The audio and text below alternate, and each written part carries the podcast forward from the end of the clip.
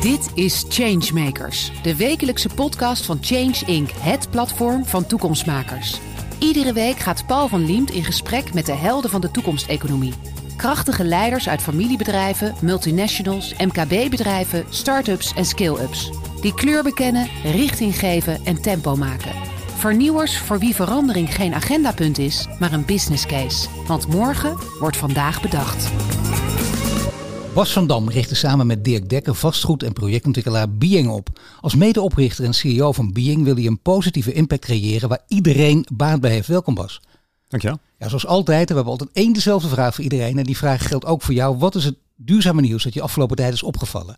Nou, wat mij heel erg is opgevallen is dat uh, uh, houtbouw uh, in onze branche enorme vlucht heeft genomen. En dat je de laatste weken met name enorm veel aandacht daarvoor ziet. En dat je voelt dat die verandering echt begint te komen. Dus dat is niet een specifiek één item wat de afgelopen week is voorgevallen, maar meer een soort tendens die nu echt steeds steviger wordt. En uh, dat vind ik een hele goede, want houtbouw uh, gaat heel veel bijdragen, denk ik, in, qua duurzaamheid in de bouw. Maar dat vind ik interessante houtbouw. Want het enige wat ik er van weet is wat me af en toe opvalt in een documentaire. Er worden hotels gebouwd, er worden gebouwen neergezet, helemaal van hout. En dan gaat het altijd over brandgevaarlijkheid. En dan ja. kan het ook weer niet. Maar het schijnt juist goed te zijn, of beter nog, ook tegen brandbestand te zijn. Ja, absoluut. Kijk, het is, uh, houtbouw wordt met, uh, dat noemen ze CLT, cross-laminated timber, uh, gedaan. En dat is heel erg dik samengeperst hout, dus dat brandt niet heel erg snel. het is vrij licht, het, het, is circulair, het groeit elke keer weer uit de grond. En wat het meest interessant is, dat als je kijkt naar CO2-uitstoot, en uh, hout of beton zou een land zijn, dan uh, zou de derde uitstootgever ter wereld zijn. En na Amerika, China. Dus we moeten wat met dat beton gaan doen. en hout is een hele goede vervanger. niet voor alles overigens, maar wel voor een heleboel gebouwen. En dat gebeurt steeds meer. Dat is heel interessant, ja. Want hout gaat misschien wel een soort waterstof worden. Hè? Voor je het weet wordt een grote hype. Maar dan is dit een serieus, heel serieus te nemen. Ja. Waterstof ook, maar misschien dit nog meer, of ja. niet? Nou, kijk, wat ik al zeg. Als, als beton verantwoordelijk is voor zoveel CO2-uitstoot... Ja. Uh, dan kan dit een heleboel in beweging brengen. En, en bouwen is een vrij traditionele sector. En als je zoiets in die traditionele sector kan krijgen, dan is dat ja, fantastisch als dat erdoor gaat, als iedereen mee gaat werken. En uh, dan, dan krijg je echt een grote beweging. Dus als je dan toch over een traditionele sector hebt, dat is de vastgoedwereld natuurlijk ook. Uh, ja. De goede niet in aangesproken, maar wel een, een wereld waar allerlei stempels uh, opgedrukt worden. Met prachtige feestjes of minder leuke beurzen die je misschien wel of niet leuk kan vinden. Ja. Hoe beweeg jij je in die wereld? Nou, het klopt helemaal wat je zegt. Het is, vrij traditioneel. En het komt ook omdat er een heleboel uh, partijen mee te maken hebben. Hoe meer mensen ergens mee van doen hebben, hoe moeilijker het bewegen wordt. We hebben natuurlijk met de overheid te maken, we hebben met de financiers te maken, we hebben met de afnemers. Een enorm breed palet. Dus dan is verandering of iets nieuws doen vaak best wel lastig. Uh, en wij proberen een beetje anders daarin te zijn. We zijn ook iets anders, dus dat gaat een beetje van nature ook. Maar uh, ja, het is een fascinerende wereld uh, met verschillende soorten facetten. ja, nee, dat is heel mooi, heel diplomatiek ook beantwoord. Maar nu heb je wel uh, te maken met wij willen het anders doen. En er zijn veel mensen die dat roepen. Jullie ook. En ik weet meteen, en dat, dat, dat is eigenlijk geweldig, hè, dat je zo'n keurmerk hebt. Het B Corp keurmerk. Er ja. zijn er heel veel. Ja. Maar het valt me op, elk bedrijf met dat keurmerk. Want ik weet wat voor moeite je daarvoor moet doen. Dat, dat krijg je niet zomaar. Daar moet je echt je best voor doen, ook als bedrijf. Je moet er ook nog voor betalen. Elke keer opnieuw word je gecontroleerd. Ik geloof zelfs elk jaar. Dan, dan is er ook echt iets aan de hand. Dan onderscheid je je echt. Hoe onderscheiden jullie je van anderen? Ja, B Corp is, is, is in, in, je hebt allerlei soorten verschillende soorten certificaten helemaal aan de bouw. Je hebt uh, BREEAM, LEED, uh, GPR. En alle, en het gaat alleen maar over gebouwen eigenlijk. Terwijl het bij ons ook heel erg over onze organisatie gaat. Wat doen we met onze mensen? Wat doen we buiten onze gebouwen? Wat gebeurt er omheen? Dat, dat, daar tellen al die certificaten niet voor. En B Corp doet dat wel. Dus die, uh, wat je noemt, die, elke drie jaar moet je een soort examen afleggen. En als je dat niet haalt, dat examen, dan moet je ook je certificering inleveren. Dus ben je gewoon echt kwijt. Ja. Ja. Nou, wij, ons doel is om elke drie jaar dat weer te verhogen. Uh, we zijn nu net bezig met uh, de, de, de, de, volgende assessment. En het ziet eruit dat we in punten gaan, gaan stijgen. En dat betekent eigenlijk dat we over de hele breedte van wat we doen, uh, het, het anders moeten doen. Dus niet alleen die gebouwen, maar ook uh, wat is je man-vrouw verhouding uh, op kantoor? wat doe je qua sociale impact? wat doe je qua goede doelen?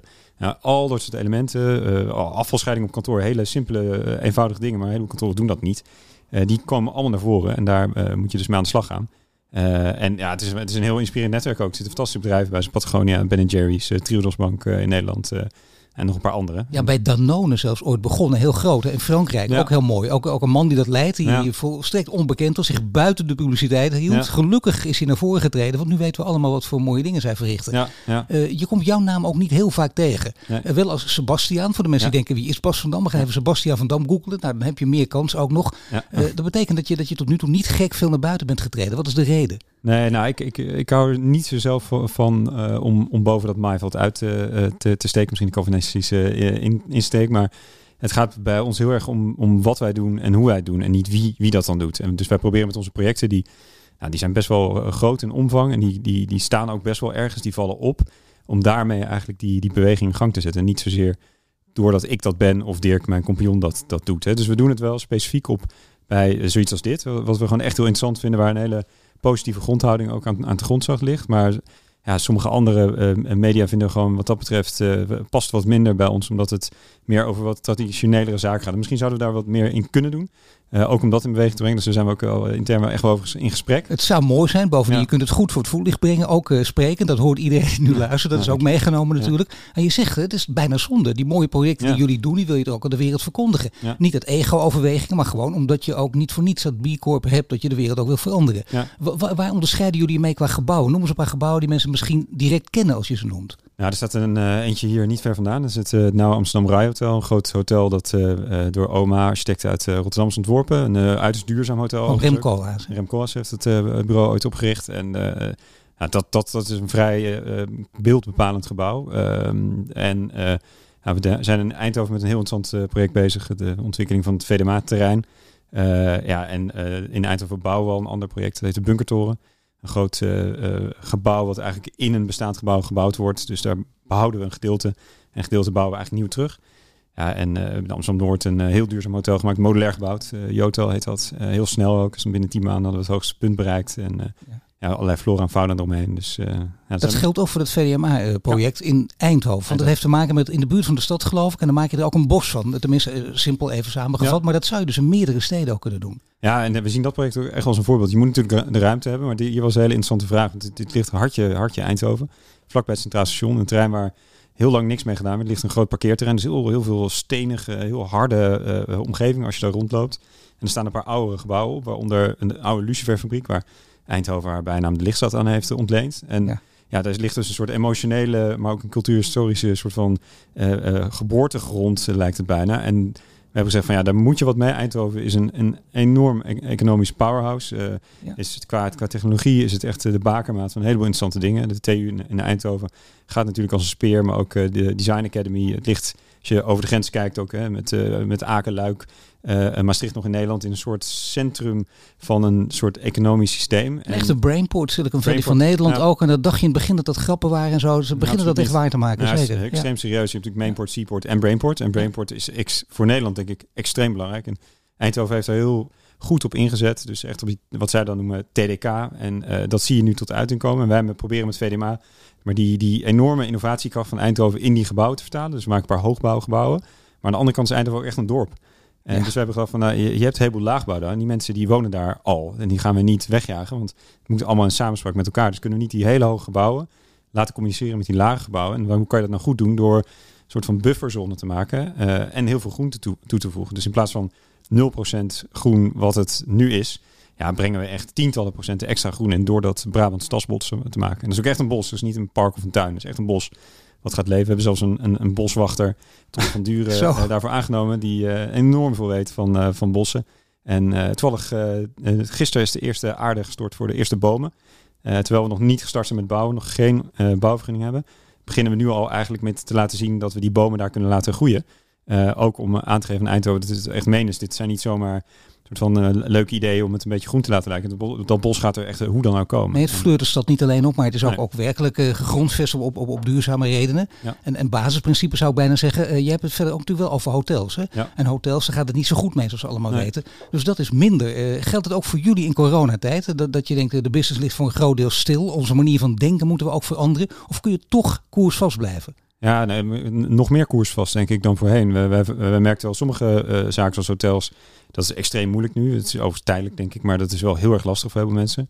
Maar je ziet dat de ontwikkeling in, op die, al die andere vlakken, dus woningen en kantoren, daardoor versneld wordt. De, vraag naar kantoren zijn echt naar gezonde kantoormeters. Mensen willen niet in een, in een, in een, in een hok zitten met z'n allen. Die willen ruimte hebben, die willen buitenruimte hebben, die willen, die willen balkons bij hun terrassen, die willen uh, goede klimaatinstallaties, die willen met z'n allen creatief kunnen werken daar. Hetzelfde geldt voor woningen. Mensen worden nu enorm in hun huis gedrukt eigenlijk. En als je in Amsterdam in een klein appartement woont, ja, dan word je misschien wel uh, geconfronteerd ermee. Dan komen die muren op je af. Dus die gaan ook zoeken naar hoe kan ik dan, kunnen we niet beter gemeenschappelijke voorzieningen maken die groter zijn, die groener zijn? Maar dit is echt interessant wat je nu zegt. Want je ziet juist de trek uit de Randstad, ook grote steden. Amsterdam, mensen die het nooit gewild hebben, die gaan opeens wel naar Doetinchem. Die gaan er rondkijken en denken, oh wat mooi, de, de natuur geweldig. Het is niet eens zo ver weg. En thuiswerken zal sowieso doorgaan. Dan zien we de files nu toenemen. Maar toch naar verhoudingen, naar verhouding mhm. zie je de verschillen uh, optreden. Betekent dat dus ook dat je een hele nieuwe stad krijgt over tien jaar? Is dat te doen in Amsterdam? Met veel grotere woningen? Of ben ik te optimistisch? Nou, ik denk dat, dat uh, het, het, gaat zeker een beweging uh, teweeg brengen. Maar Amsterdam blijft altijd als stad interessant, denk ik. Helemaal, er zitten een heleboel culturele voorzieningen. Er zijn ook economische kracht om dat soort dingen te dragen, wat heel belangrijk is. Dus een enorm aanbod aan sociale huurwoningen in Amsterdam. En er zit veel bedrijvigheid in die steden. En dat blijft wel, omdat de voorzieningen gewoon compleet anders zijn dan in de kleinere steden of dorpen. Dus Amsterdam gaat misschien hierdoor wel wat veranderen. Er is natuurlijk ook best wel een ambitie om Amsterdam duurzamer te krijgen, om Amsterdam minder ongedeeld te krijgen, zoals we winnen. Dus er wordt ook echt gericht op hoe kunnen we die families nou in de stad krijgen? De vraag is, willen die families dat wel dan? Maar hoe krijgen we die mensen nou nog wel in de stad op een goede Maar zou je iets kunnen noemen? Waar ben je mee bezig in Amsterdam? Of is het misschien in, in zo'n stadium dat je er al iets van kunt loslaten? Ja, we zijn nu bezig met een project in Amsterdam waar we ook zeggen dat, dat het is belangrijk dat, dat, dat families, dus ook mensen met kinderen, in de stad blijven. Uh, moeten we niet een bepaald systeem bedenken waardoor die in een bepaalde periode wat lagere huur betalen. Dat ze daar kunnen zitten, kunnen blijven. En vaak zie je dat mensen met kinderen niet heel lang meer in een stad blijven wonen. Maar zeker voor die eerste jaren zou het gewoon wel goed zijn als die wel Maar wat is dit precies? Of waar is dit precies? Dit is, dit is een woningbouwontwikkeling. Ja, ik kan nog niet helemaal vertellen. Maar, uh, nee, ik dacht al, je uh, zit er aardig omheen te praten. Ja, nee, het is, het is een woningbouwontwikkeling. Mark Rutte de tweede. Precies, nou, dank je. die heeft dat ons nu. Nee, maar goed, ik begrijp het. Sommige dingen kun je ook niet vertellen. Maar dit gaat dus wel, het zegt genoeg dat het deze kant op gaat. En je zou zeggen, dat zie je ook. Je zegt, je, de, we durven koersvast te blijven. Zelfs in hmm. tegendeel. We gaan nu verder, we worden koersvaster. Betekent het ook dat je, want zo gaat het ook vaak, hè, dat je anderen meetrekt? Want dat zie je vaak ten negatieve, maar jullie kunnen dat ten positieve keren. Ja, ja. nou, wat heel opvallend is, is dat je de, de grotere beleggers, echt de instituten, de, de, de grote pensioenfondsen, die kijken wat verder weg. Dus die hebben een wat langere uh, horizon. En die beginnen steeds meer ook al dit soort dingen te, omarmen. Of het nou de Sustainable Development Goals van de Verenigde Naties zijn, of dat het andere criteria zijn. Je ziet steeds meer dat ze daarmee aan, en dat ook moeten verantwoorden aan de mensen die het pensioen aan hun geven, of de mensen die bij hun investeren. En die vraag die komt meer en meer. En die vraag wordt ook serieuzer. Vroeger werd het nog een beetje afgedaan van nou, we moeten ook een beetje groen doen. Uh, maar die discussie ontstaat steeds meer. Dus ja, ik denk ook echt dat bedrijven die daar minder aandacht aan besteden uh, of daar moeilijker over doen, het echt lastig krijgen. Maar dit is wel een cruciaal moment. Hè? Dan kun je zeggen gewoon nu, uh, dat is 2021, 2020, de jaren 20 in deze eeuw. Omdat er heel vaak over gesproken is. Sommigen gaan dan mee. Uh, het blijft dan toch een beetje in, in de sfeer van greenwashing hangen. Ja. Nog steeds af en toe als je naar onderzoeken kijkt, is het nog behoorlijk op dat niveau. Ja. Maar het is nu aan het keren. Ja. Er is wat gebeurd en dat zorgt ook, vaak moeten dit soort dingen gewoon gebeuren als een pandemie. Dat kan inderdaad, je merkt om je heen dat er daardoor ook echt grote veranderingen op het spel staan. Misschien wel revoluties of niet. Ja, ik denk, ja, het gaat, het gaat in die zin vind ik nog veel te traag, want er kan nog veel meer gebeuren. Maar het zijn allemaal systemen die in elkaar grijpen. En dat, dat gaat niet in één keer, dus dat begrijp ik ook heel goed. Maar er valt nog ongelooflijk veel te doen. Maar je, we voelen ergens wel, en wij zien het ook aan onze positie in de markt, die wordt ook steviger. Dus je ziet ook dat uh, als mensen puur dingen willen kwantificeren, helaas vastgoed is ook een, een soort financieel product uh, geworden, eigenlijk sinds de woningwet in 1901, als ik goed heb, in stand is gegaan. En zelfs daar zie je nu de beweging. Want je kan ook gewoon kwantificeren wat iets betekent. Je kan kwantificeren wat CO2-reductie betekent. Je kan kwantificeren wat, wat als je een duurzamer uh, uh, materiaal gebruikt. Want dat gaat misschien langer mee. Of dat kan je eerder vervangen voor datzelfde soort materiaal. En al die gesprekken, die voeren wij nu meer dan voorheen. Waar je echt moesten verkopen van ja, we gaan modulair bouwen. Dat is duurder. Dus de, uh, je moet er als belegger ook meer uh, voor betalen. Maar een voordeel hier in dit voorbeeld is dan dat wij uh, een half jaar eerder klaar zijn. Dus een half jaar eerder gaat jouw investering ook renderen. Dus dat is eigenlijk voor jij, jou als belegger beter nu begrijp ik het. Hoe streeft, B, uh, hoe streeft uh, Being en haar om beyond Paris proof te zijn? Altijd dat zinnetje. En ik denk, dat dacht ik in, in het begin. Mm. Als ik, ik, ik zeg, ik weet niet van jouw bedrijf stellen. Ik probeer me helemaal zo verwonderd op te stellen. En ik lees dat zinnetje en denk, oh, dat gaat richting greenwashing. Maar helemaal mm. niet. Dat blijkt ook uit het hele verhaal. Maar dit kun je dus ook halen, want dit lijkt naar grootspraak. Maar beyond Paris proof, dat krijg je op deze manier voor elkaar. Of moet daar nog veel meer voor gebeuren? Nou, er moet nog wel wat meer voor gebeuren. Maar Toch, helaas. maar oh, dat is ook een leuke de uitdaging eraan, vind ik. Dat om dat te kunnen bewerkstelligen en uh, ja, wij noemen dat specifiek omdat het uh, uh, bij veel mensen een belletje doet rinkelen. Dus die, die snappen in grote lijnen wat dat betekent. Ja. Ik vind wel dat wij gaan vaak verder erin. Omdat wij niet alleen kijken naar klimaat, natuur, maar ook aan, naar mensheid. Hè. Sociale duurzaamheid is ook een belangrijk onderdeel van hoe kun je plekken nou maar goed maken voor mensen. En dat heeft een heleboel gevolgen als je dat op een goede manier doet. Echt die sociale impact, die kan enorm zijn.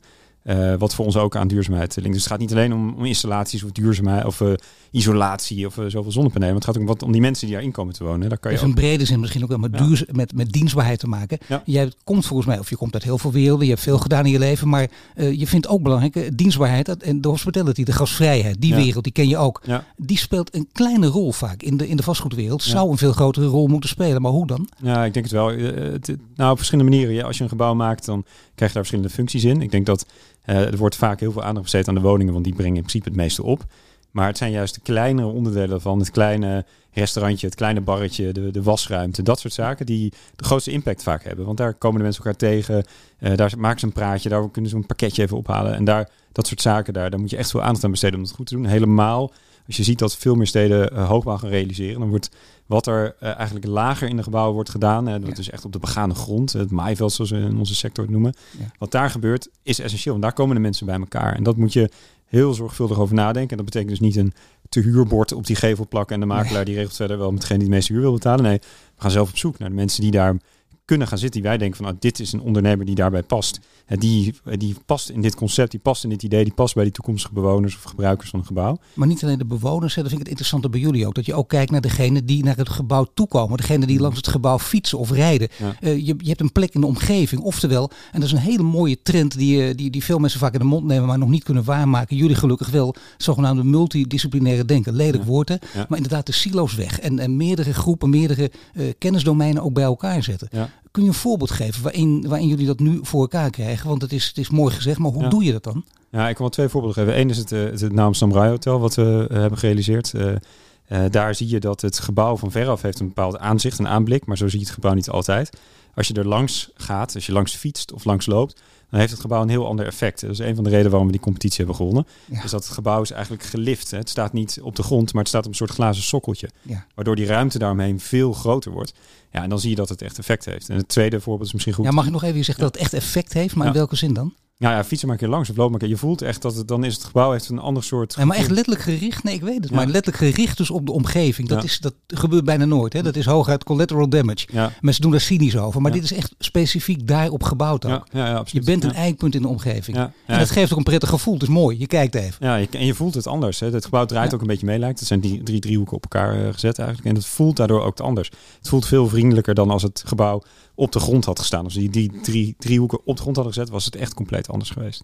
En dan een andere voorbeeld? Ja, het tweede voorbeeld is dat uh, een, een, project waar ik net al kort over had, wat ik niet uh, nog kan vertellen helaas, is daar we met een omgevingspsycholoog zijn we echt gaan kijken van, ja, ja hoe zit deze omgeving in elkaar? Wat, wat ervaar, ervaar jij nou vanuit jouw wetenschap hier en hoe kunnen we dat inzetten in het maken van dat gebouw?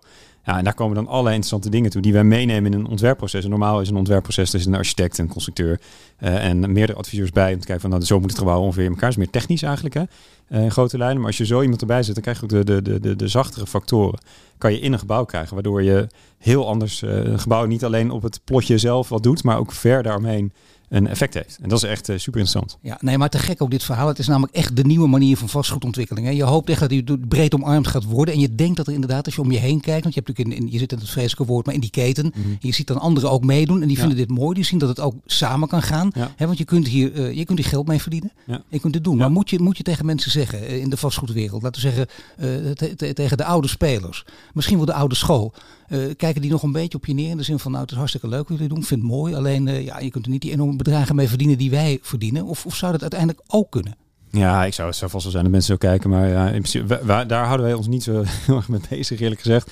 Maar ik denk, ja, waar wij van uitgaan is dat, dat wat wij doen, maar ook anderen die een beetje hetzelfde uh, doen, of althans dezelfde soort visie of missie hebben, dat het wel echt inspireert en motiveert. En hoe meer we mensen we daar meekrijgen, hoe meer dat ook zal gaan gebeuren. En dan wordt, gaat het niet alleen om de financiën, maar ook om heleboel andere dingen die ook tellen. En uh, dat, dat voel ik wel dat dat steeds meer, meer gebeurt. En maar ja, goed, het hele verhaal van People Planet Purpose. Hè, dat was ja. een tijd lang door sommigen waargemaakt. Maar er ja. waren er maar twee of drie. Altijd weer Paul Pol en altijd. Ja. Maar het zijn er nu veel meer. En nu heb je ook Bas van Dam. Maar jij wil het niet op jezelf toespitsen. Wat, wat, wat, wat echt uh, in, in jouw voordeel is. En ja, gewoon wat, wat voor jou pleit ook zou ik zeggen. Maar het betekent dus wel dat er meer mensen zijn. Er zijn, er zijn meer Bas van Damme dan wij misschien denken nu. Ja, dat weet ik wel zeker. Weet ik wel Zeker, absoluut. Je ziet het steeds meer gebeuren. En uh, jullie hebben volgens mij hier met dit platform ook uh, veel mensen langs die dat ook willen en doen en in de praktijk brengen. En steeds meer dat bewijs leveren. Want dat is natuurlijk ook, hè. als het nieuw is, kijken mensen kijken daar sceptisch tegenaan. Maar nu ja. zie je steeds meer bewijs van, oh nee, het kan dus toch, het kan dus wel. Dus, en dan zie je dat ook langzaam een beetje uh, veranderen en verdwijnen. En is dat dus ook niet meer een, een discussie. En dat is het klimaat. Vroeger werd sommige dus bestempeld als het is een hoax. Inmiddels gebeurt dat bijna niet meer. Want mensen weten gewoon, het, het is zo, dus we moeten er iets mee. Dat kost tijd.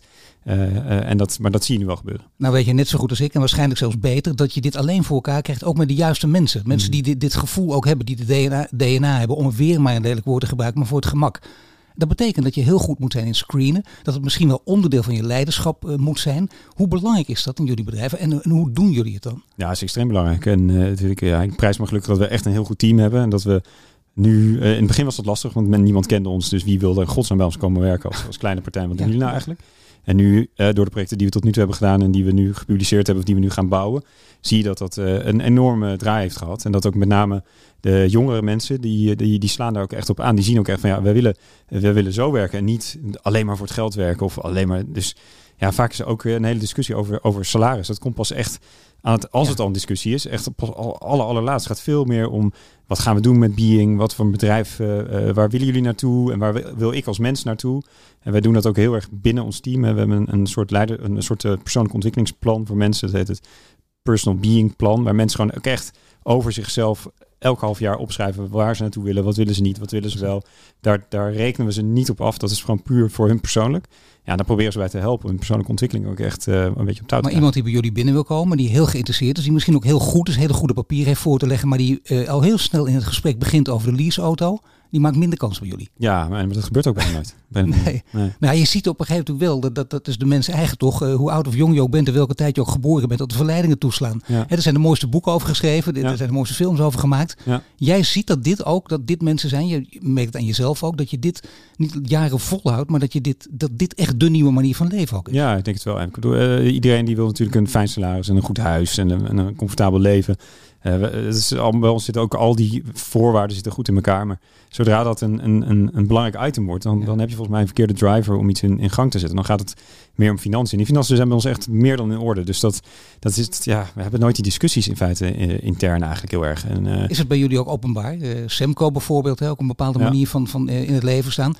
daar hangen, dat, dat is voor het eerst van dat bekend werd. Een jaar of twintig geleden in Brazilië, geweldig. De oprichter die ook de salaris van iedereen tegen de muur hing. Want er mag geen gedoe over zijn. Nee. Niks jaloezie, dat willen we uitbannen. Ja. Nou, dat pakte af en toe wat anders uit, maar het bestaat nog steeds. Ja, je kon zelfs je eigen salaris bepalen. Daar je kon het zo bepalen uiteindelijk. Ja, nee, we, zijn, we zijn vrij transparant met alles. Veel transparanter dan onze collega's zou ik wel durven stellen. Uh, ja, er zijn geen geheimen in dat opzicht. Het is, kijk, uh, in vastgoed gaan vaak hele grote bedragen rond. Dus je moet het wel uh, snappen en ook zien hoe alles in een plaatje past. Maar we hebben elk half jaar een strategie-meeting, volgende week dinsdag weer toevallig, met ons team. Ja, dan vertellen we al onze, onze getallen en cijfers en de forecast waar we toe gaan, wat we wensen. En ja, daar, daar, dat, dat, is, dat is nooit een geheim bij ons. En ook zo dat je denkt, ik zou voor de microfoon, dus ik vertel dat gewoon. Ik zeg gewoon wat mijn jaarsalaris is. Dat mag iedereen weten. Wat mijn jaarsalaris is? Ja, dat is 150.000 euro. Dat je dat, oh geweldig. Ja. Ik denk, nu gaat hij er helemaal omheen draaien. Ja. Kijk, nee, dit is het ultieme bewijs, inderdaad. Nou, en dan denken mensen, oh, dat is heel veel. Ja, daar werk je hard voor, daar heb je talent voor. Bovendien, in jouw wereld kun je, en dat klinkt heel erg, maar ik zeg het dan maar even, met jouw talenten veel meer verdienen, maar dat doet er niet toe. Want dan zou je nee. dus ongelukkig worden op een andere plek. Ja, ik en dat vind ik altijd mooi dat dat verhaal gewoon bewaarheid wordt. Dat die mensen echt gelukkig ook zijn. Ja, nee, ja, kijk, en uh, wij doen dit nu elf jaar. We zijn elf jaar geleden gestart, dus ik heb uh, zeven jaar lang niks verdiend, zeg maar. En uh, ja, volgens mij zijn we met alles zijn we gewoon op, op de markt eigenlijk. En ook met onze eigen salaris zitten we denk ik eronder. En dat is ook prima. Dus wij verdienen misschien. Je, je, hebt in Nederland het systeem dat je zoveel moet verdienen als je meest betaalde werknemers.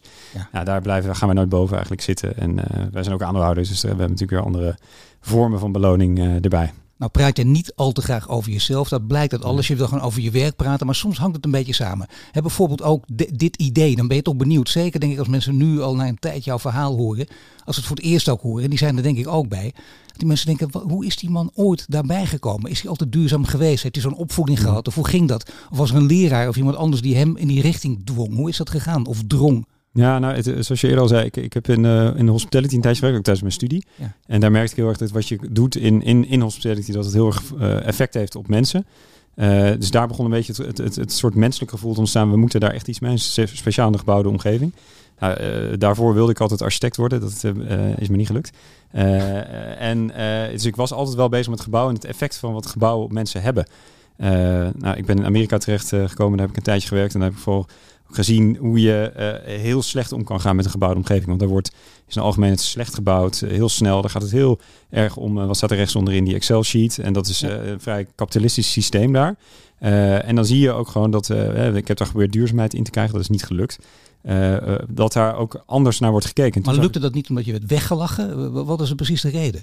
Nou, het hoefde niet daar. Ze, ze, zaten daar gewoon niet op te wachten. Want wat zij tot nu toe deden was toch ook al succesvol. Dus waarom zou je duurzaam zijn? En dus die urgentie die toen, en dit was eind 2008, 2009 zo'n beetje, dat dat ik vloog elke keer op en neer. Dus, dus elke keer merkte ik, ik zit weer in een vliegtuig. En al die kerosine die nu verbrand wordt, dat is toch niet helemaal, helemaal lekker. En, ook midden in de financiële crisis. Dat, dat is ook een moeilijke tijd. Ja, en, wat je allemaal ziet. En ook wat er op bouwplaats gebeurt qua afval, qua, qua, qua verbruik van diesel, aggregaat, noem het allemaal op. Dus best wel ernstig. En dan zie je wat daar, wat daar gebeurt. Ik hou zoveel van de natuur. En dan zie je de documentaires en je leest de boeken en denk je, ah, dit gaat gewoon niet goed. we, we, we moeten iets doen. En dan moeten we maar zelf doen. En Dirk had hetzelfde uh, uh, op, op dat moment ook. Dus toen zijn we samen met uh, Being gestart. Hebben jullie ook dan het idee, en ook met die Amerikaanse ervaring in je hoofd, dat je, je kijkt vaak in de wereld, waar kan het het beste? In China? In mhm. Amerika, de, ja. de, de, laten we zeggen de geopolitieke verhouding, of in Europa. Is Europa dan toch hier de voorspeler, de voortrekker?